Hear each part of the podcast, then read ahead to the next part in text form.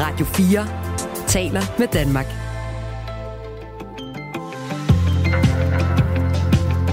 Velkommen til Radio 4 morgen.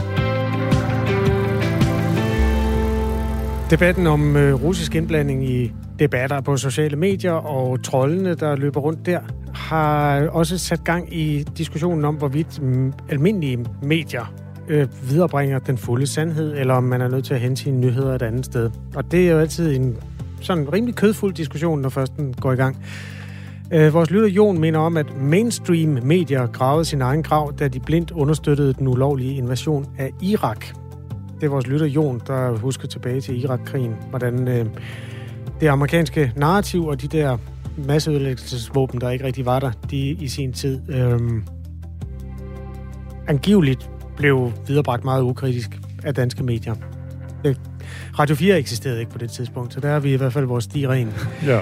Øh, en anden, der hedder Jens, han skriver, samtlige danske medier viderebragte i 2016 historien om, at Donald Trump blev tisset på af russiske luder på et hotelværelse, hvor Obama tidligere havde boet.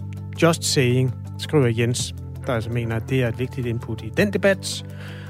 Havde I den på Godmorgen Danmark, Michael, øh, at nogle sexarbejdere tissede på, jeg tror det var på hinanden, jeg tror ikke det var på... Du tænker på, at jeg var ansat på Godmorgen Danmark i 2016. Ja. Jeg tror det ikke, men jeg kan altså ikke huske alt, hvad jeg lavede øh, for, hvad, 7, 6, 7 år siden. Nej, det tror jeg ikke. Jeg tror ikke lige, det var en historie fra Godmorgen Danmark, egentlig. Men jeg ved det ikke. Jeg tror det ikke. Endelig skriver en tredje lytter, det er en stigende tendens, at mindre gruppers subjektive sandheder kræves rapporteret af medierne som alternative objektive sandheder, selvom de reelt er i strid med verificerbare evidensbaserede objektive data. Det er ikke mediernes opgave. Tvært imod, skriver den her lytter. Ja, øhm, faktisk kan jeg huske et af morgenprogrammerne, jeg ved ikke om det var Godmorgen Danmark, eller det var da DR eksperimenterede med den genre, at man havde en debat med en mand, der troede, at jorden var flad, og så på den anden side af bordet sad Andreas Mogensen, der, der vidste, at... Det var ikke på min vagt. Nej, det kan jeg godt forstå. Men det er jo der, det er jo der hvor den bliver svær, ikke? Jo. Fordi jorden, den er sgu ikke flad. Altså, det er jeg nødt til at sige. Nå, nå. Og derfor kan man ikke sådan en til en sætte de to synspunkter over for hinanden altid.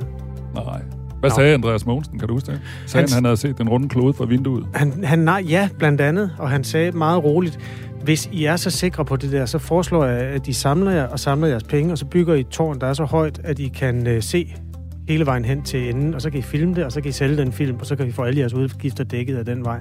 Han var meget løsningsorienteret, men også en lille smule træt til sidst. Men han er en meget venlig mand. Det er han. 100 procent. 708 er klokken. Øh, Man kan skrive til Radio 4 morgen på nummer 1424. Du lytter til Radio 4 morgen. Danske sygeplejersker vil meget gerne arbejde i Norge. Mere end 10.000 sygeplejersker har søgt og fået autorisation til at arbejde i Norge. Det viser nye tal, som TV2 Østjylland har fået udleveret fra det norske helsedirektorat.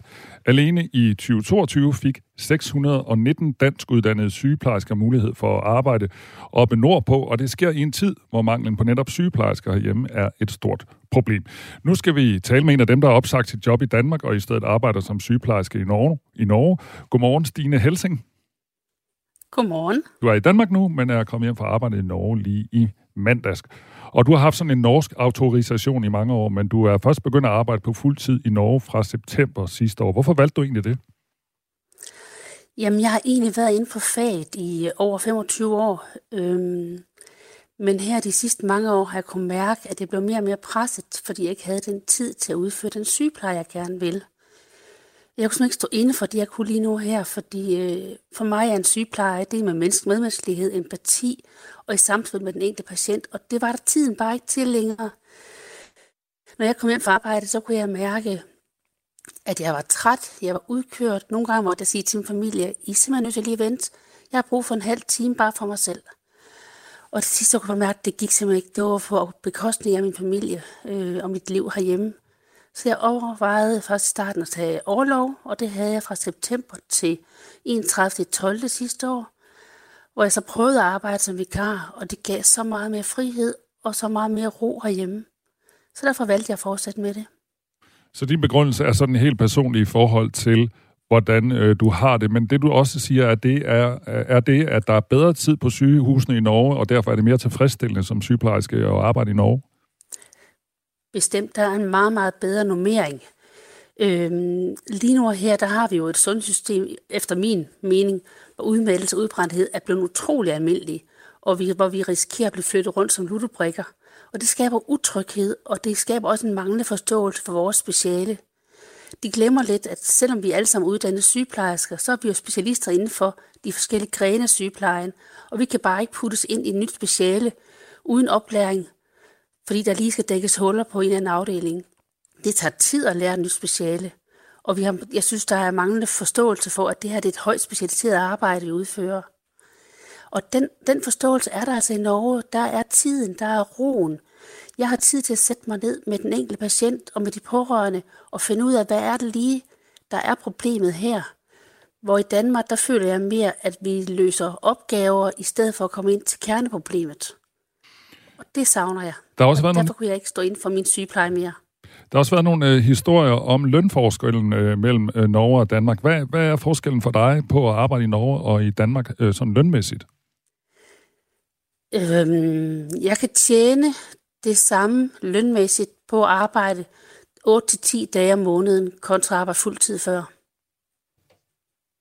Der er jo så den ulempe ved det, at du flyver til Norge, så bor du deroppe i 4-5 dage, eller at nogen bliver deroppe i en uge, og så flyver du hjem igen, så du mangler din familie i al den tid. Derudover så er der jo heller ikke det selv samme sociale samspil, som du er vant til at have på dansk sygehus, fordi du kommer som vikar ind i et fremmed, en fremmed afdeling. Nu det her... for mig er det bare ja. vigtigt, at jeg har vundet al den her frihed, og jeg ikke er træt på samme måde i mit hoved, når jeg kommer hjem. Så det handler ikke så meget om pengene, eller hvad? Så for mig går det løn og arbejdsforhold hånd i hånd. Ja, så du skal også arbejde noget mindre for at tjene det samme. Det er det, du siger? Ja, faktisk. Mm. Nu det her med mangel på sygeplejersker, det har jo været en kæmpe diskussion i Danmark øh, længe efterhånden. Hvordan har du det med at efterlade dine gode gamle kolleger i Danmark, og nu er du så øh, taget til Norge, og øh, nu må de formentlig løbe stærkere? Jamen, det har jeg selvfølgelig dårligt med, men, men jeg kan simpelthen ikke øh, stå inden for min sygepleje her i Danmark mere. Fordi jeg er helt enig i, at omsorgen for vores patienter er i fare, men før den rigtig ryger, så ryger vores egenomsorg. Og det kunne jeg se ved, at vores arbejdsplaner ikke hang sammen, hvilket betød ekstra vagter for os. Jeg var ofte fuldstændig udkørt, når jeg kom hjem, og vi løst i stedet for at få patienten i centrum. Og hvis jeg skulle fortsætte sådan her, så den eneste, der ville tabe på det, det var mig og min familie. Og jeg sætter ikke min familie øh, i bærets række. De kommer først. Vi har fået en sms, og jeg starter lige med at sige til dig, at det er sådan er lidt i en grovkornet ende, men jeg håber, du kan klare det. Øh, der er en, der skriver, en lytter, der skriver, der skriver sygeplejersker er grådige. En sosu øh, tjener 10.000 mindre end en sygeplejerske. De har taget sundhedsvæsenet som gisler, altså sygeplejerskerne. Det må høre op. Stop jeres klønk. Hvad siger du til det? Mm. Jamen, jeg kan da godt forstå, at hun synes, det er noget klønk, fordi problemet er jo, at politikeren siger, at vi skal have bruge den danske model til at forhandle løn men de gange, vi har prøvet med den danske model, så har det jo ikke lykkes noget som helst, fordi regeringen har grebet ind.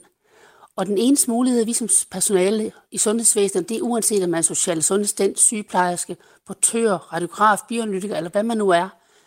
Så den eneste mulighed, vi har, det er at strække. Problemet for vores øh, job, det er, at det bliver patienterne, vi tager som gisler. Vi prøver selvfølgelig hele tiden at stå inden for, at der er personale tilbage, men det vil få betydning for ventelisterne. Det vil få betydning for dem, der skal opereres, der ikke er akutte. Og derfor synes jeg, jeg tror simpelthen ikke på, at det danske system kan bruges i sundhedsvæsenet. Hvad med det her med, at du har fået din uddannelse i Danmark, og, og du er også en specialiseret sygeplejerske? Altså, hvad, hvad, hvad tænker du om det? Altså, at du har fået noget af samfundet, og nu øh, tager du så til Norge? Jamen, det er jo så et godt spørgsmål. Hvor mange år skal jeg arbejde som sygeplejerske for at betale tilbage for min uddannelse? Jeg arbejdede i 25 år som sygeplejerske, før jeg valgte det her, og jeg arbejder stadigvæk i Danmark indimellem. Men jeg er stadigvæk nødt til at se på mit eget liv og min familie. Lige så snart, at vi får et sundhedssystem, hvor der bliver prioriteret tiden, hvor normeringen ikke bliver skåret ned til benet, hvor der bliver tid til den enkelte patient, så vil jeg hellere end gerne tilbage. Det er nemlig mit næste spørgsmål, det er nemlig, hvad skulle der egentlig til, for vi vil faktisk gerne have dig tilbage, Stine. Altså, hvad skulle der egentlig til, til for, yeah. at du sagde, jamen prøv at høre her, nu er det så godt, så jeg gerne vil komme tilbage. Altså, du taler om, om, øh, om tingene, forholdene på sygeplejersken, altså jeres arbejdsvilkår, øh, men handler det også, og vi har talt rigtig meget om øh, sygeplejersk løn, sygeplejerskers løn. Mm-hmm. Hvad, hvad, hvad, hvad er vigtigt for dig her, og hvornår øh, kører du en, øh, en billet til Danmark? For mig, som jeg også sagde før, så er det løn og arbejdsforhold, der skal hånd i hånd. Vi skal stoppe med at skære ned på normering, få fokus tilbage på kerneområdet, som er vores patienter. Vi skal ikke kun symptombehandle, men finde årsagen. Og vi skal, vores løn skal afspille det ansvar, eller afspejle det ansvar, jeg har. Jeg kan ikke sætte noget tal på, det er jeg ikke interesseret i. Men allerede i 2008, da vi strækkede der, blev lønkommissionen øh, anfaldet de, at vi skulle have højere løn, og det blev der heller ikke lyttet til. Så jeg tror, vi står med en gruppe af sygeplejersker, som er ved at være så fyldt af løfter og bliver holdt lidt for nar, fordi der, der sker ikke noget. Vi kommer ingen steder. Nu har jeg en mand, som er privatansat. Han kommer hjem og siger, jo, jeg har fået øh, 2.000 mere løn om måneden. Juhu, siger jeg, jeg har fået en tiger. Altså, du kan godt se, vi, vi, jeg skal ikke sammenligne mig med private, men vi er nødt til at se på, hvordan får vi lavet et sundhedssystem, som kan vise øh, i fremtiden, så vi kan få skabt et sundhedsvæsen, der i fremtiden er attraktivt at arbejde i. Og hvad skete der? Det var simpelthen Stine Helsing, der er sygeplejerske i Norge. Du har lyttet til et interview her på Radio 4 morgen. Klokken er 16 minutter over syv. En 8-årig pige kæmper for at trække vejret. Det er korrekt. På gulvet foran hendes far stopper hendes hjerte med at slå. På vej til, på vej til.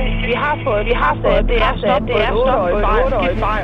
Hvordan kan det ske? Hvordan kan det ske? kommer ikke til at udtale os om det, eller, eller noget akademik herfra. Lyt til Lyt til den døde pige i lægehuset i Radio 4's app, eller der, hvor du lytter til podcast. Radio 4 taler med Danmark. 17 minutter over syv. En af Danmarks største fødevarevirksomheder øh, ser ud til at dreje nøglen om. Det er Skare Meatpackers, der laver pålæg, pølser og meget andet til dagligvarerbutikker blandt andet, som nu har indgivet konkursbegæring. Det kom frem i går. Dermed står mange hundrede mennesker til at miste deres arbejde. Alene i slagteriet vil mellem 300 og 400 mennesker blive arbejdsløse, hvis virksomheden, som det ser ud til, lukker. Det oplyser TV2. Skar Meatpackers kom i modvind for to uger siden, da det stod klart, at Fødevarestyrelsen havde en del kritikpunkter. For eksempel var Skare ikke i stand til at gøre rede for, hvor noget 13 år gammelt kød kom fra, og derfor blev det beslaglagt. Anonyme slagterimedarbejdere har over for politikken hævdet, at de blev sat til at ændre oprindelseslandet for noget af kødet, så det det så ud til at komme fra Danmark, selvom der var tale om tysk eller polsk kød. Det er altså anonyme kilder, der stod frem der. Men bidrog til en øh, generel shitstorm over for Skara Meatpackers. Ejeren af virksomheden Kurt Skara var med i Radio 4 morgen for to uger siden. Her ville han ikke helt anerkende, at der var problemer med sikkerheden. Selvfølgelig kan der ske nogle øh, hvad hedder det, fejl, øh, men der er ikke noget fødevaresikkerhedsmæssigt øh, i den rapport, som øh, hvad hedder det, rejseholdet har lavet, og som man øh, prøver på at hvad hedder det, køre rundt med. Og på et tidspunkt, der havde vi en øh, fødevareminister, som altid sagde, øh, hvad hedder det, myndighederne, de skal hjælpe og vejlede virksomhederne, de skal ikke ødelægge virksomhederne. Skar Meatpackers havde indtil i tirsdags til at fremvise de nødvendige certifikater på det 13 år gamle kød, som var blevet øh, beslaglagt. Vi føgte, øh, forsøgte også at få, få ejeren og virksomheden i tale i tirsdags. Det lykkedes ikke, og i går kom altså også konkursbegæringen, som også skal ses i lyset af, at øh, Rema og Selling Group ikke længere vil sælge kød fra Skare, simpelthen har opsagt samarbejdet. Der er i alt 700 medarbejdere i Skare-gruppen, oplyser firmaet på sin hjemmeside. Klokken er 19 minutter over syv. Det her er Radio 4 morgen. Bevar Irma. Lad os danne en ring om Irma og vise, at vi ønsker at stanse lukningen. Det er sket før, at øh, lukningen af firmaet er blevet stoppet på grund af protest. Lad os gøre det igen. Vi mødes foran Irma på Ordrupvej. Sådan lyder teksten til en begivenhed på Facebook. En begivenhed, som finder sted på lørdag på Ordrupvej i København. Og det er altså et af flere tiltag, der er kommet frem siden nyheden om, at øh, Irma Irma, Kvickly og Superbrusen skal samles under et øh, en kæde, der hedder Coop. og dermed afliver man altså det gamle Irma-pige-koncept. Det har skabt en øh, Facebook-gruppe med næsten 5.000 mennesker og en underskriftsindsamling med over 2.000 underskrifter, og der er også flere, der har skrevet i Facebook-gruppen, at de melder sig ud af Coop som en konsekvens af beslutningen. Kvinden bag protesten, der skal bevare Irma, hedder Sasha Louise Ting. Godmorgen. Øhm, der er indtil videre 290 interesserede i den her begivenhed, og 28, der deltager. Hvor mange skal der til for, at du synes, det er øh, succesfuldt? Øhm, der skal så mange til, at vi kan nå hele vejen rundt om Irma-butikken på Ordubej. Jeg har faktisk været inde i den. Det er ikke nogen kæmpe butik, men uh, hvor mange skal der til? En 200-300 måske? Ja, jeg tror, jeg snakkede med Tommy, butikschefen dernede, om, at så må vi jo have lidt, øhm, lidt ræb eller et eller andet med, der kan øhm, forbinde os. I, der må i hvert fald godt komme 100, øh, hvis ikke mere. Hvor meget betyder lige præcis den her butik for jeres nærområde? Den betyder rigtig meget. Det er jo et knudepunkt herude. Øhm, Tommy har skabt en fantastisk butik øh, dernede og har nogle rigtig skønne medarbejdere. Og det har vi jo mærket virkelig de sidste dage, hvor folk de stopper op og snakker og siger, at de kommer og deltager øh, på lørdag. Og øh, man kan jo se, der er nogen, der har haft tårer i øjnene og meget berørt over situationen. Så så det betyder rigtig meget, og det er jo ikke kun ude her for Charlottenlund, det er også helt nede fra Torbæk, folk handler, og Klampenborg og længere op nordpå, og, og Hellerup ind. Folk kommer og handler, så det er et stort knudepunkt herude. Og samtidig har de jo den der følelse af et rigtigt lokalt miljø, ikke? Ja, det er jo altså i en tid, hvor nogle mindre byer i som længere vestpå kæmper for overhovedet at have en butik at, at handle i. Altså simpelthen fordi det ikke kan lade sig gøre. Hvad, altså, hvordan ja. oplever du den forskel på øh, virkeligheden i Vestdanmark og Østdanmark? Øh, at, at her har I jo altså masser af indkøbsmuligheder. Det er bare lige den her, jeg gerne vil beholde. Ja, men jeg synes også, at det er forfærdeligt, at, det, at vi står i en situation i dag, sådan at det, øh, det skal splittes op, sådan at nogle byer ikke har måske en købmand. øhm, og når det så er sagt, så er Irma jo også bare nærmest øh, vores købmand. Så jeg tror, hvis, hvis man skulle sætte en stemme på, hvad man helst vil have herude hos os, så, så tror jeg, Irma ville komme meget langt. øhm, så jeg tror, ja. Ja, i forhold til din øh, optimisme, så tror jeg at måske, vi med fordel lige kan tale med Katja Hoffmann Barfod, som var et af de mennesker, der kæmpede for at redde Irma på Roskildevej i Valby for fem år siden. Øhm, godmorgen til dig. Godmorgen. Tag os lige med tilbage til det, der skete dengang. Hvad var det, der var ja. klangbunden, og hvorfor, øh, hvad gjorde I for at redde den Irma, der ligger på Roskildevej? Jamen altså, jeg, vi har jo samme følelse, som Sasha sidder med nu, og som de også selv sidder med nu, hvor man siger, at hele Irma-kæden skal lukke, at det er den her lokale købmand i en stor by. Altså den følelse af, at man går ind i, øh, i en landsby, at alle kender hinanden, at medarbejderne er på fornavn med alle, at man kan sætte sine børn ned og købe ind et trygt sted. Altså det, vi har præcis samme følelse øh, omkring Irma på Roskildevej. Hvordan gik det havde det? vi for fem år siden, og det har vi nu, ja. Og hvordan gik det? Jamen, vi vandt jo. altså, vi undgik den lukning dengang, øh, hvilket vi jo synes var et mirakel. Vi var virkelig mange mennesker, der kæmpede for det. Øh, og så var vi tre, der stod i spidsen for det, og kunne sige, sådan strukturerede den indsats, vi lavede dengang. Tre mennesker, som overhovedet ikke kendte hinanden. Hvad var det, altså, der var, hvem var det, der var modpolen? Hvem var det, I skulle overbevise? Fordi det her herværende diskussion, det er jo simpelthen øh, Coops ledelse. Ja. Øh, ja. Hvem var det dengang? Var det det samme? Ja, man kan sige, det var jo, altså, der var jo stadig en Irma-direktør, Søren Steffensen. Altså, der var jo, altså, det var jo Irmas ledelse, som jo selvfølgelig også fik dikteret Coop om, at der skulle lukkes nogle Irma-butikker. Coop har aldrig rigtig kunne lide Irma. Øh, men det, det er en påstand. Kan sige, endnu en påstand, ja. De kaldte det blind sammen. Nå, men, men i hvert fald, vi havde jo, vi havde jo kontakt med nogle, med nogle chefer, som godt ville en dialog med os. Og det var jo vores fordel, kan man sige. De kom ud i butikken. Søren, kom, Søren Steffensen kom ud i butikken. Øh, øh, en af de andre salgschefer, Jakob Elsborg, og distriktslederen øh, Thomas Hammer, havde vi jo dialog med. Så vi havde jo også nogle mennesker at snakke med. Mm. Øhm, ham her, Kren, har jo faktisk været ude i vores butik, da han blev ansat som direktør i Coop, for at se, hvad vi var for nogle skøre mennesker ude på, på Roskildevej. Øh, vi skal nok lade være med at komme med flere påstande om, hvad Coop synes og hvad Coop Ja, gør. ja, ja. så fordi Ja. de er ikke med i interviewet. Det er god Nej, latin. vi vil bare gerne bevare Irma. Det forstås. Og øhm, Yes. i den sammenhæng kunne jeg da godt tænke mig at øh, høre, hvorfor I ikke bare vil lægge nogle flere penge derinde. Fordi det er jo det, der har været problemet. Jamen, det kan vi jo kun opfordre til, at man stemmer med sit dankort. Altså, der, hvor man lægger sine forbrugspenge, har en meget stor magt, og jeg er helt med på samfundsøkonomien lige nu. Men øh, for mig er den her øh, lokale indkøbsoplevelse en rigtig, rigtig vigtig del af min øh, hverdag. Så jeg kan kun opfordre til, at man lægger sine penge, om ikke andet så noget af sine forbrugspenge, øh, i, i en Irma-butik. Øh, når jeg er i Valby, så er det, altså, bliver jeg tit slået af, hvor mange steder man egentlig har at vælge imellem at handle. Der Ja. ligger en Lidl, der ligger en... Øh, Netto. Netto, der, Mhm. ja, den ligger Ja. ja. over på Valby Langgade, og så er der, øh, der er et menu-supermarked. Oppe i, net- Ja. Altså, inden for en kilometer, der er der 10 forskellige steder at handle. Er det ikke lidt Ja. forkælet, det her?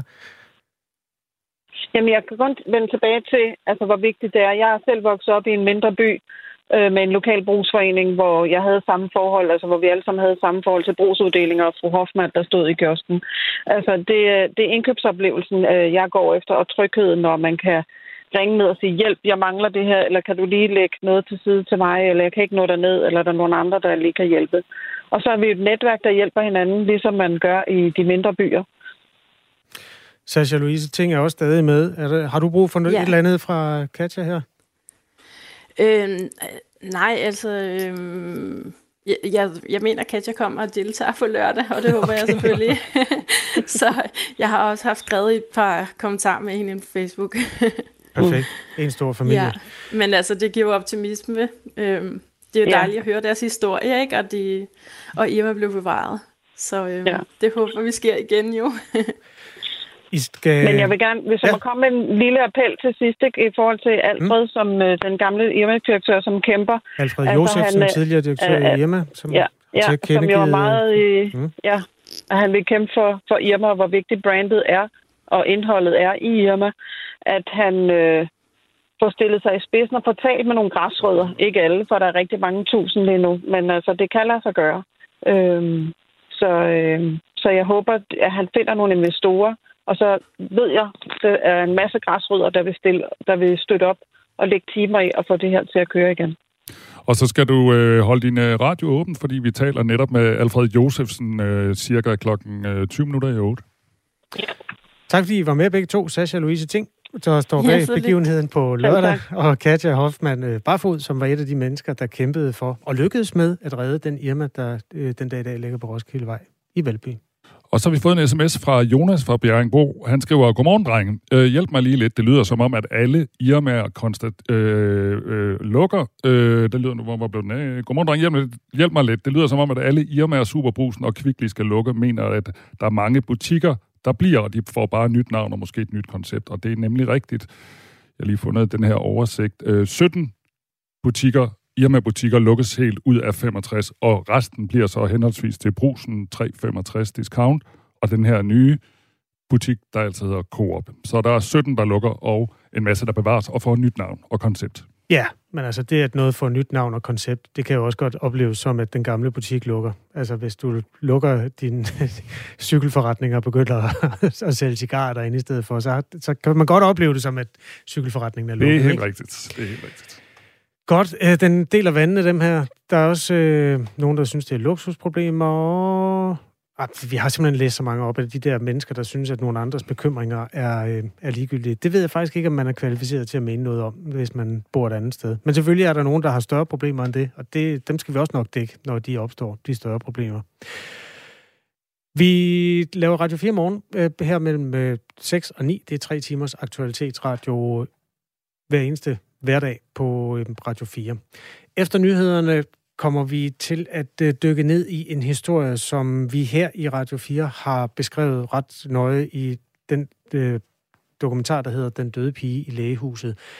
Blandt andet, øh, ja, det er faktisk kun en af to historier. Øh, to børn med syrisk baggrund har de seneste år døde efter øh, behandlingsforløb, hvor der ikke blev brugt tolk. Og øh, Ifølge sundhedsloven er det jo lægerne, der skønner, om der er brug for en tolk, men en praktiserende læge bestilte ikke en tolk undervejs i behandlingen af den 8-årige pige, der i august sidste år døde af et hjertestop efter et svært astmaanfald i lægehuset. Øh, hjerteskærende og forfærdeligt, at sprogbarriere koster to børn livet. Øh, og den historie bliver, er vi altså ikke færdige med. Vi skal efter nyhederne tale med, eller høre interview med Mette Witt Hagensen blandt andet. Øh, hun er regionsrådsmedlem for Socialdemokratiet og formand for Sundhedsudvalget i Region Syddanmark. Ja, Kasper, skal vi ikke også bare sige, hvis man har lyst til at dykke ned i den her historie, så ligger der nu øh, tre afsnit, mener jeg, øh, af den her historie øh, på vores øh, app, som man kan gå ind og høre, og det er virkelig anbefalesværdigt. Øh, Klokken er halv otte. Nu er der nyheder på Radio 4. Socialdemokratiet mener ikke, at der er behov for yderligere undersøgelse af Samsam-sagen. Det siger politisk ordfører Christian Rabia Madsen, inden at Folketingets grænskningsudvalg i morgen skal tage stilling til, om der skal laves en undersøgelse af sagen forud for en eventuel grænskningskommission. Hvis vi vil have effektive efterretningstjenester, er vi nødt til at acceptere, at ikke alt kan lægges åbent frem.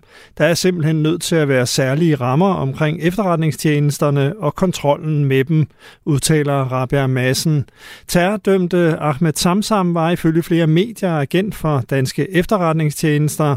Efter folketingsvalget mener SVM-regeringen ikke, at der er yderligere behov for at undersøge Samsam-sagen. Før valget var et bredt flertal åben for at få undersøgt den. Nye borgerlige forsøger at presse samtlige folketingsmedlemmer ned i folketingssalen, når regeringens lovforslag om at afskaffe store bededag som en helligdag skal til afstemning. Partiet har i sinde at ophæve partiernes clearingsaftale. Det betyder, at alle medlemmer af Folketinget skal møde frem og fysisk afgive deres stemme i salen, hvis de vil være sikre på resultatet.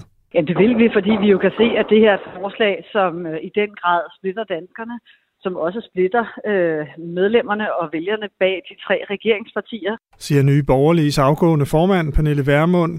Lovforslaget behandles første gang i dag i Folketingssalen, hvor det skal debatteres. Der stemmes først om et lovforslag ved den tredje behandling. Her er datoen endnu ikke fastsat. Normalt bruger Folketinget clearingsaftaler, når der skal stemmes. Det er en uformel aftale mellem partierne, der sikrer, at medlemmerne kan blive væk fra afstemninger, uden at det ændrer på et eventuelt flertal. Medlemmerne kan så bruge tiden på andet arbejde. Men den bliver nu opsagt af nye borgerlige ved, at alle fire medlemmer af partiets folketingsgruppe vil møde op i salen. Rusland hylder Stalin med en byste 80 år efter slaget ved Stalingrad. I dag hedder byen Volgograd. Josef Stalin var en brutal kommunistisk diktator i Sovjetunionen fra 1922 til sin død i 53. Han var blandt andet hjernen bag en sultkatastrofe, der kostede millioner af ukrainere livet. Han stod også bag en massiv undertrykkelse, der kostede 100.000 vis af menneskeliv. Den russiske præsident Vladimir Putin besøger i dag Volgograd. Putin har forsøgt at genoprette Stalins image som en leder, der ikke kun besejrede nazisterne, men også medvirkede til, at Sovjetunionen blev en faktor på den verdenspolitiske scene. Den fælles alkoholpolitik på flere gymnasier har ikke mindsket elevernes druk. Et nyt studie fra Statens Institut for Folkesundhed peger på, at konkrete konkrete regler for alkoholindtag og udskænkning på gymnasier måske ikke har den ønskede effekt. I studiet er drukindtaget også sammenlignet med indtaget til gymnasiefester i 2014, og her er der næsten ingen forskel. Det overrasker forsker Veronika Pissinger, som har lavet undersøgelsen unge på alle gymnasierne, altså i det hele taget. Der er ikke rigtig sket en stor udvikling fra 14 til 19. Vi ser, at det stort set er det samme alkoholforbrug og drikkemønster øh, i de to år, og vi kan ikke se heller, at der er nogen særlig øh, forskel blandt dem, som øh, har indført de her fælles alkoholpolitikker i forhold til dem, der ikke har. Formand for Danske Gymnasieelever Sammenslutning, Madeleine Stenberg Williams, mener, at det kan hænge sammen med, at det tager tid at ændre en kultur. Først på dagen enkelte byer, ellers kommer der sol mange steder, 2 til 6 grader og svag til frisk vind omkring nordvest. Du lytter til Radio 4 morgen. Husk, du kan skrive en sms til os på 1424. Klokken er halv otte, og det er den 2. februar, og så blev det jo langt om længe Kjørmes Knud. ja. ja. ja. Velkommen til 1800-tallet. Øh, du er med på, hvad det er, ikke? Ja, det er køndelmisse. Det er nemlig det der. Det er køndelmisse i dag. Øh, og Ole Olsens fødselsdag gik man en gang og sagde, anden i anden. Mm, anden. Er det men, øh, nej, men, ja, men han er født 16. november, så vidt jeg husker. Så det, det er en vandrehistorie. Men nok Kørmes Knud? Det, det er Kørmes Knud, øh, som er et øh, synonym for køndelmisse, og køndelmisse, det er altid den 2. februar, og det betyder lysmesse, og i den kirkelige tradition, øh, der er det altså også noget, der hedder Marias renselsesdag. Hvad skal vi lave den dag, hvis jeg må spørge? Der skulle man i gamle dage gå i kirke, fordi i gamle dage, og her kommer min pointe, der var det nemlig en helligdag. Ah. Ah, nu ved du, hvor jeg er på vej hen, ikke? Øh, fordi i dag skal man stemme om... Om Stor Bededag. Og det her, det var altså en helligdag, altså Kjørmes Knud, eller Kønnen vise frem til 1770, hvor Struense, det onde menneske, han øh, afskaffede 10 andre helligdage, end, eller ni andre end, øh, end Kjørmes Knud. Det var blandt andet tredje juledag. Lyder meget skønt, ikke? Jo. Tredje påskedag. Ja, de findes jo stadigvæk, men er lidt, man er jo ikke fri. Man er ikke rigtig fri, vel? Sankt Hansdag, Mikkelsdag og Vor Frudag er nogle af de, øh, nogle af de helligdage, som Struense afskaffede i øh, 1770. Og som du lige sagde, så i dag, der øh, første behandler Folketinget afskaffelsen af Stor Bededag. Og nogle af de begrundelser, der var i 1770 for, at køndenmisse den blev afskaffet, dem mm. øh, tager vi lige her. Den ene var, at en nedskæring af helligdagene var et gode, fordi folket som oftest anvendte helligdagene til druk, hår og spil. Ja, det kunne også være et argument for at beholde den, kan man sige. Ja, det kunne man også sige. og så det andet argument, øh, det, det minder faktisk en lille smule om det argument, vi har hørt i, i debatten om afskaffelsen, er stor bededag. Altså, afskaffelsen af de her helligdage i 1770 ville give en øget cirkulation af penge. Så mangler vi bare, at de siger, og der er krig i Europa, for det var der vist også dengang. Åh, oh, det ved jeg ikke. Nej. Alright, Nå, men det er første behandling. Jeg, jeg kaldte det, at, at de skal stemme, men det bliver vel knap nok nødvendigt at stemme, fordi vi ved, at der er et flertal i regeringen. Ja, og vi ved også, at uanset hvad øh, bager og biskopper og andet godt folk siger, så øh, bliver den der store bededag afskaffet. Ligesom køndelmisse. Ja, men det er nu et flot navn. Køndelmisse og Kjørmes Knud. Ja, det er knap så flot. 736. Radio 4 taler med Danmark. Det er både hjerteskærende og forfærdeligt, at sprogbarriere kan koste børn livet. Sådan lyder det fra Region Syddanmark, efter at vi her i Radio 4 har beskrevet, hvordan to børn med syrisk baggrund de seneste år er døde efter behandlingsforløb, hvor der skulle have været brugt en tolk, men ikke blev det. Ifølge sundhedsloven er det lægerne, der skal skønne, om der er brug for en tolk, men en praktiserende læge bestilte ikke en tolk undervejs i behandlingen af en 8-årig syrisk pige, der endte med at dø af et hjertestop efter et svært astmaanfald sidste sommer. Pigens far, Sohaib Al-Nasif, fortæller, hvordan han oplevede kommunikationen med lægen, da han kom med sin datter. Han var ikke snakket med mig. Han kontaktede kun med min datter, som jeg ikke sidder sammen med ham.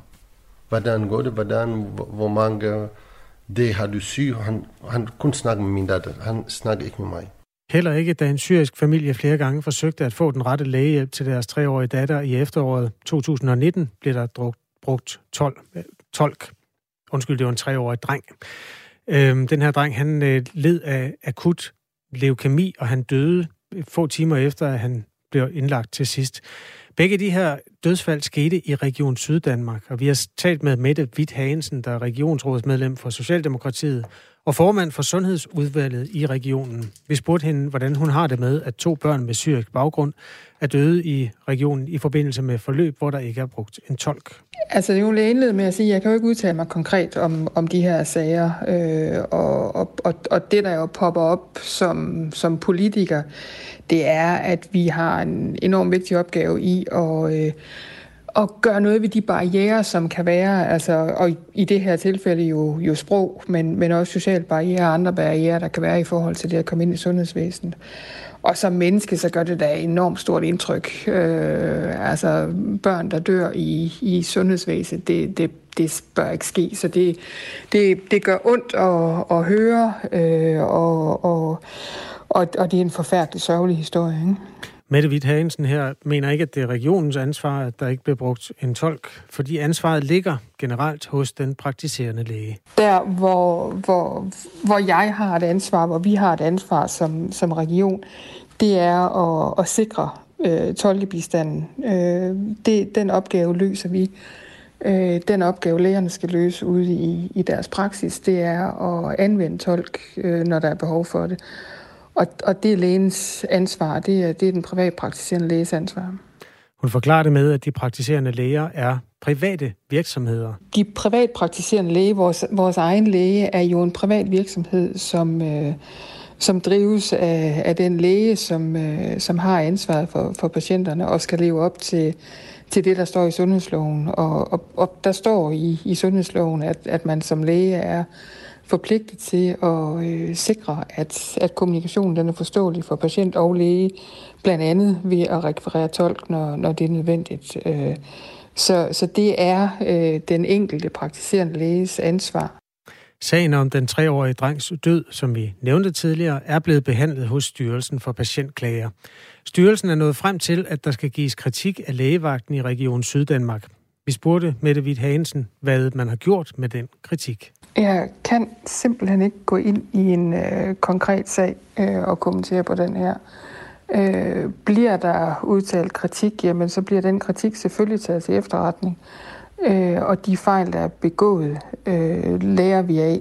Øh, og det vil vi i enhver henseende gøre, hvis der bliver udtalt kritik øh, om, om noget, der sker i regionen. Øh, Øh, og det samme gør øh, de præ- privatpraktiserende læger øh, selvfølgelig, når, hvis de er i en situation, hvor der bliver udtalt kritik om.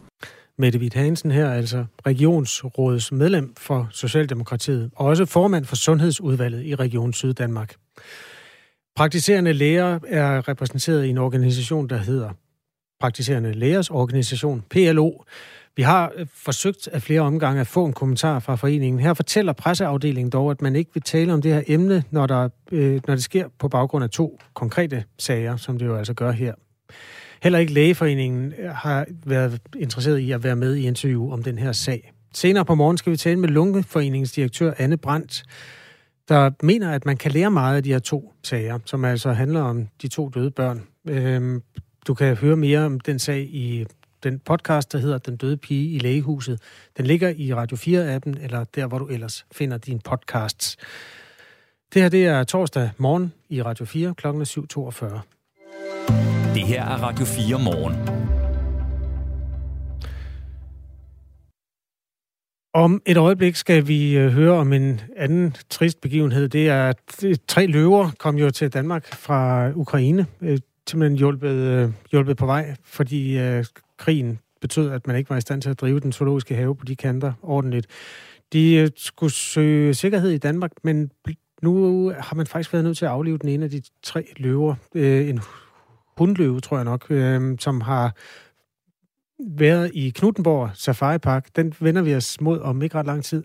Og inden vi gør det, så kan vi måske tage en historie, der er en lille smule mere glædelig, for i dag, der bliver bogen fejret. Det er nemlig i dag, at de gyldne laverbær bliver uddelt. Du kender sikkert det her, Kasper. En eller anden forfatter bliver overrasket på sit arbejde, eller inde på forlaget, eller i hvert fald lader som om, han eller hun er blevet overrasket.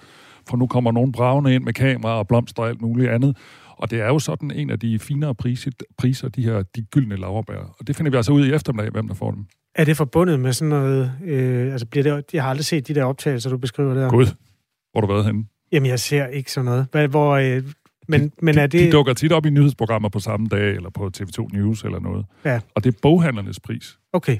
Så det er altså de ansatte i uh, landets boghandler, der uddeler den her pris. Og jeg ved, blandt forfattere er det, er det meget prestigiøst og uh, prestigefuldt at få den her pri- pris. Og man får blomster, en påskyndelse og et boggavekort på 2500 kroner.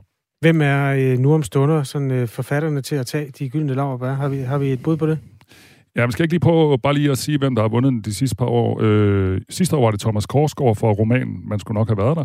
Hmm. Øh, året før var det Stine Pilgaard for romanen Meter i sekundet, du ved. Den, ja. den film, som vi i nyhederne, eller den bog, som vi i nyhederne har øh, fortalt om hele morgen, fordi øh, den har selve filmen Øh, den er blevet filmatiseret hedder også Meter i sekundet. Den har fået rigtig fine anmeldelser og havde premiere i går, tror jeg.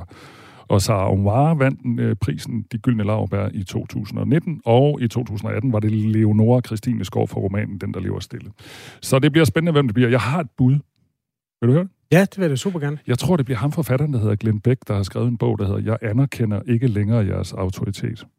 Det kan da godt være. Den gav jeg min kæreste i julegave. Ja, se bare der. Jeg tror, det bliver ham, men det kan vi snakke om i morgen. Tidligere modtager af prisen, det er jo også uh, Lise Nørgaard. Æret være hendes minde. Henrik Nordbrandt. Æret være hans minde. Og uh, ja, de har været der alle sammen. Peter ja. Høgh, Vita Andersen. Uh, du godeste var en perlerække. Der er mange bøger, man egentlig burde læse. Ja. 7,44. Øh, prisen den kommer altså lidt senere på morgenen. Radio 4 taler med Danmark. Det blev ikke så lang tid, den afrikanske hundløve vi fik i Knuttenborg Safari Park. Den her øh, løve blev simpelthen aflivet i går. Den kom sammen med to andre hundløver til den danske park fra en zoologisk have i Ukraine, som lå tæt på en krigszone. Therese Hård er dyrlæge og zoologisk og veterinærchef i Knuttenborg Safari Park, og med os på en telefon nu. Godmorgen. Godmorgen. Hvorfor blev den løve aflivet? Ja, det blev den, fordi øh, vi kunne se helt fra, da hun ankom, at hun havde noget, der øh, lignede en på, på ryggraden.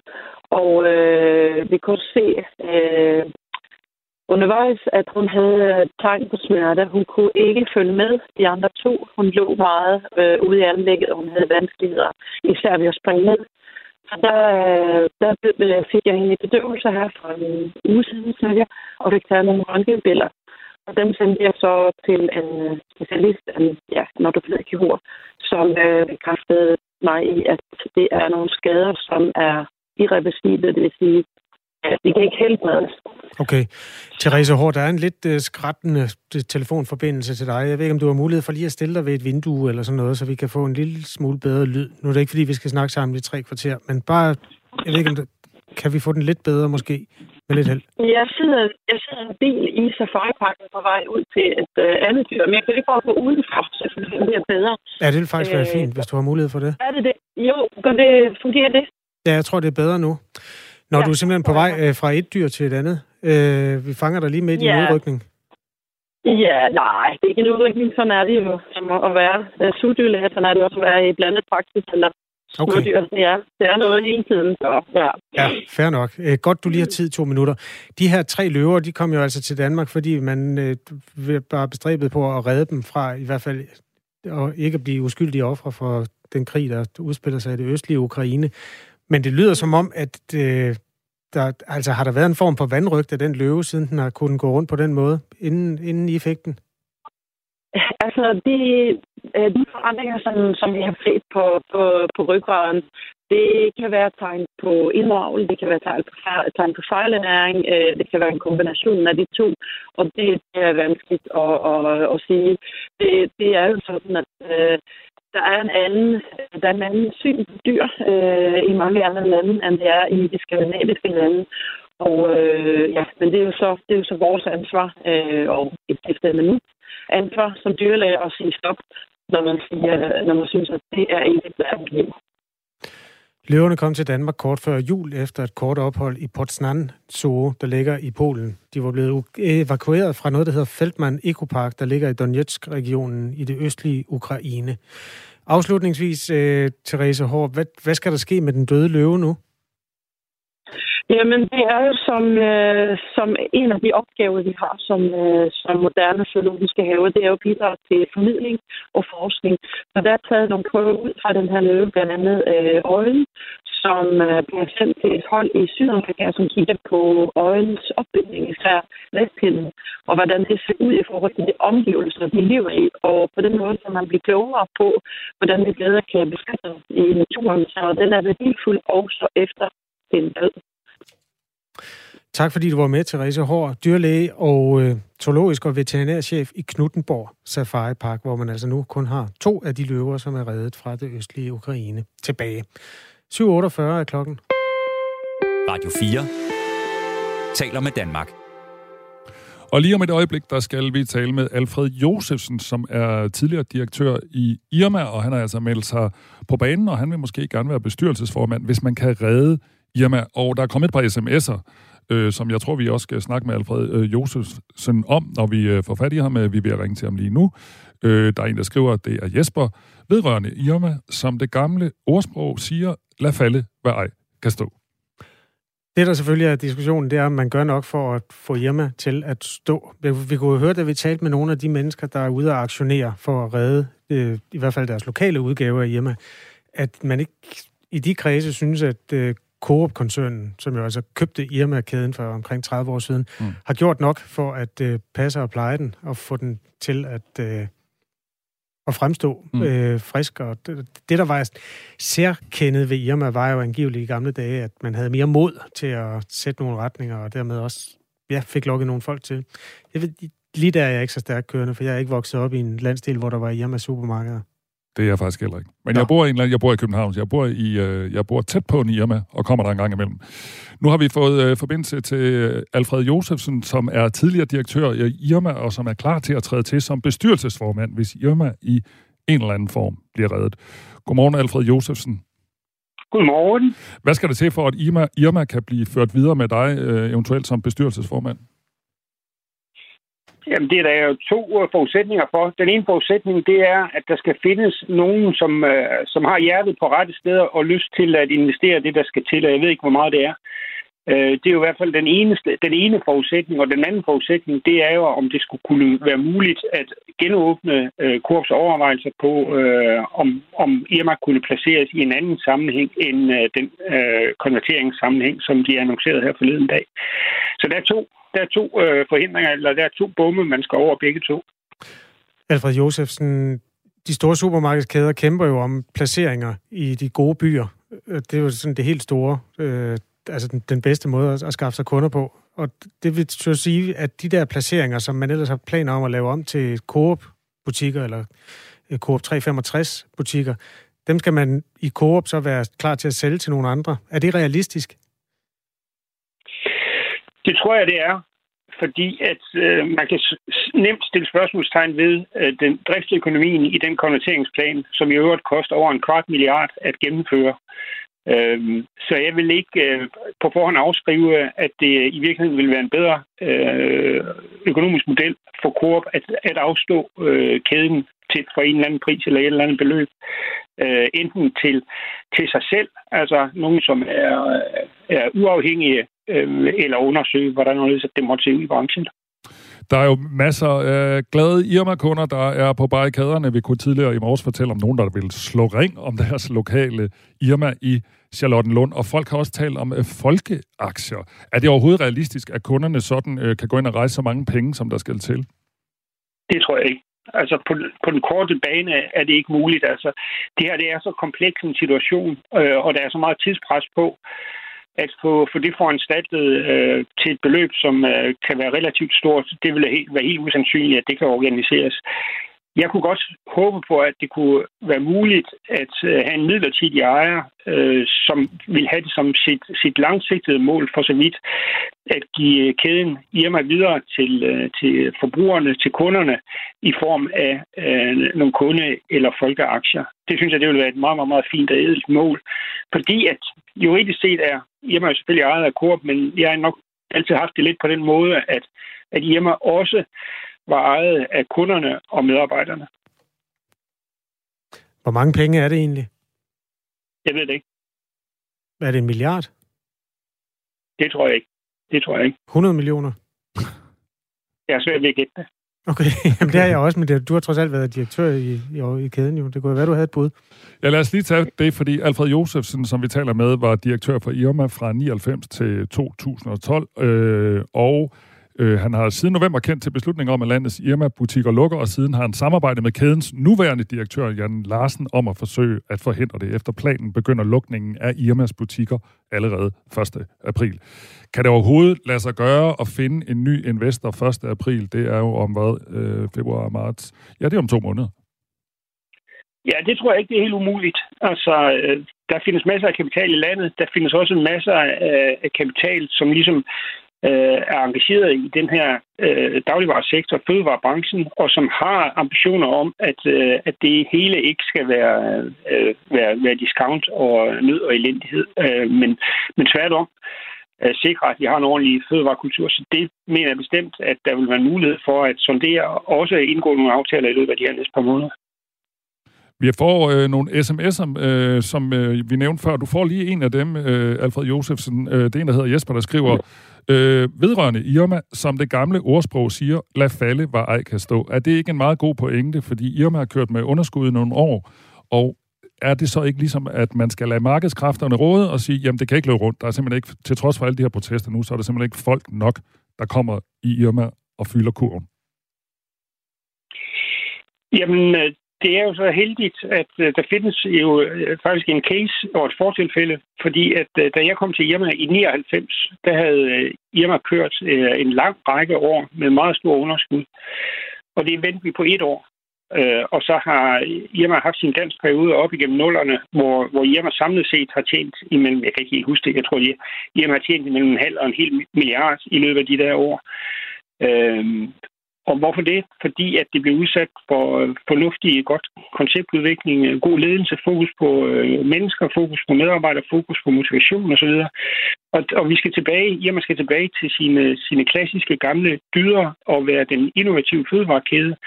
Og eftersom at der findes en case fra tidligere på, at det har det rent faktisk været muligt, så med de tal, som jeg kender til med hensyn til underskud, så er jeg ikke så bekymret for, at om det skulle kunne lade sig gøre en gang til, hvis det udsættes for de rigtige rammer og vilkår. Er der en forståelse i Coop for, at man, øh, altså nu sagde jeg før, at ham, øh, der er direktør nu, der hedder øh, øh, Kren Østergaard Nielsen, altså har sagt, at der kun, eller han holder døren åben for et muligt frasalg. Ved du med dit kendskab til, det, til virksomheden, altså til Coop, om de er interesseret i at frasælge, eller om det, altså er det realistisk? Jeg har svært ved at svare helt tydeligt på det, fordi at vi har jo haft en række gode møder med Coop's direktion øh, i november, december og januar, hvor vi har sonderet nogle forskellige muligheder, øh, og øh, at det endte her øh, overraskede Jan Larsen og mig en lille smule, fordi at vi synes ikke, at vi var færdige med at undersøge de muligheder, der, der eksisterede. Nu har man så truffet den her beslutning, og man har fået i Coop selvfølgelig mange bank af, af forbrugere og borgere her de, de seneste dage. Og jeg læste et eller andet sted, jeg husker ikke hvor, at Kren Østergaard øh, havde åbnet døren lige så stille og forsigtigt på klem til en overvejelse om noget andet. Mm. Om vi kan åbne den dør bredere, det skal de næste dage vise. Vi har ikke så meget tid tilbage, men du får altså lige en sms mere, som øh, jeg tror dækker meget godt øh, for, hvad nogen folk i hvert fald tænker af om Irma. Øh, der er en, der skriver, butikker, som sælger varer, som er mange gange er mellem 8-15 kroner dyrere end andre butikker, bliver nødt til at lukke. Kunder er der ikke så dumme, at i øh, en tid med inflation og så videre, at de vælger de butikker, der ikke har varerne til normal pris. Og det, det for, hvis jeg lige skal oversætte lidt her, så er det en pointe om, at Irma, i hvert fald for mange kunder, eller for mange øh, københavnere, øh, der bor tæt på Irma, tænker, det er altså dyrere, meget dyrere at gå i Irma end i andre butikker, også på de der varer, som sådan er sammenlignelige. Hvad siger du til det? Jeg siger det, at, at hvis øh, Irma får en fremtid, hvis Irma skal overleve, så er det ikke et spørgsmål bare at videreføre det er Irma-koncept, der har været på markedet her de sidste, øh, de sidste års tid eller to. Der skal bestemt ske noget. Der skal også ske noget på, på priserne. Enten så skal priserne lidt ned, eller også så skal kvalitetsniveauet i de der varer op. Så jeg sidder ikke her og siger, at det her det er bare et, øh, et forsøg på at, at genopfinde fortiden, fordi der skal bestemt også skabes øh, koncept, konceptudvikling og innovation øh, for de næste kommende år. Så det du siger, det er, at hvis Irma skal reddes, så skal man måske også kigge på nogle af de der priser, øh, altså og den fornemmelse af, at Irma er meget dyrere end andre butikker. Det er enig i. Ja. Øh, du får lige en, en lille klip her. Vi talte med en, der hedder Katja Hoffmann Barfod tidligere på morgenen, øh, og hun er aktiv i en Irma i Valby, og hun lykkedes med at bevare den for fem år siden, og hun havde en lille bønd til dig. Han vil kæmpe for, for Irma, hvor vigtigt brandet er, og indholdet er i Irma. At han, øh, får stillet sig i spidsen og får talt med nogle græsrødder. Ikke alle, for der er rigtig mange tusind lige nu, men altså, det kan lade sig gøre. Altså en appel til dig om at kæmpe. Er du, øh, en, det kan vi jo høre, du gerne vil, men er du egentlig overrasket over den her nærmest love storm, som øh, Irma er havnet i? Øh, vi vidste ikke, hvad der ville ske. Altså, muligheden for, at det, den her, de her kræfter ville blive sluppet løs, har bestemt været til stede, men, øh, men hvordan og at øh, det ville øh, passe med tidsånden, har vi haft svært ved at vurdere. Men det er virkelig øh, opløftende at mærke den kæmpe store øh, interesse og stemning, der er for, øh, for Irma i brede befolkningslag. Silas skriver, at øh, vi også burde have dyrket det noget mere, da, da Aldi lukkede, eller Aldi bekendt gjorde, at man vil lukke alle sine butikker i øh, Danmark. Det er altså ikke sket. Hvor var du, da Aldi lukkede, Alfred Josefsen? Der synes jeg heller ikke, vi har hørt noget fra dig. Det er også fuldstændig larmende der, er der, der er der ingen, der kan, der, kan, der kan engagere sig i sådan noget der. Altså, dels så kommer der sandsynligvis en anden butik, men alle de er, er jo ikke en, en følelsesmæssig sag. Ikke? Altså, det er da højst en rationel sag, at man er gået rundt i de der papkassebutikker. Ikke? Så det, det gider man da ikke at forholde sig til. Så derfor kan sådan et, et kæde og sådan et koncept for der aldrig skabt den der love storm. Det var meget Irma-agtigt sagt. tak til Silas for sms'en. Og tak, Øh, og tak til dig, Alfred Josefsen, øh, fordi du var med her, altså tidligere direktør i Irma.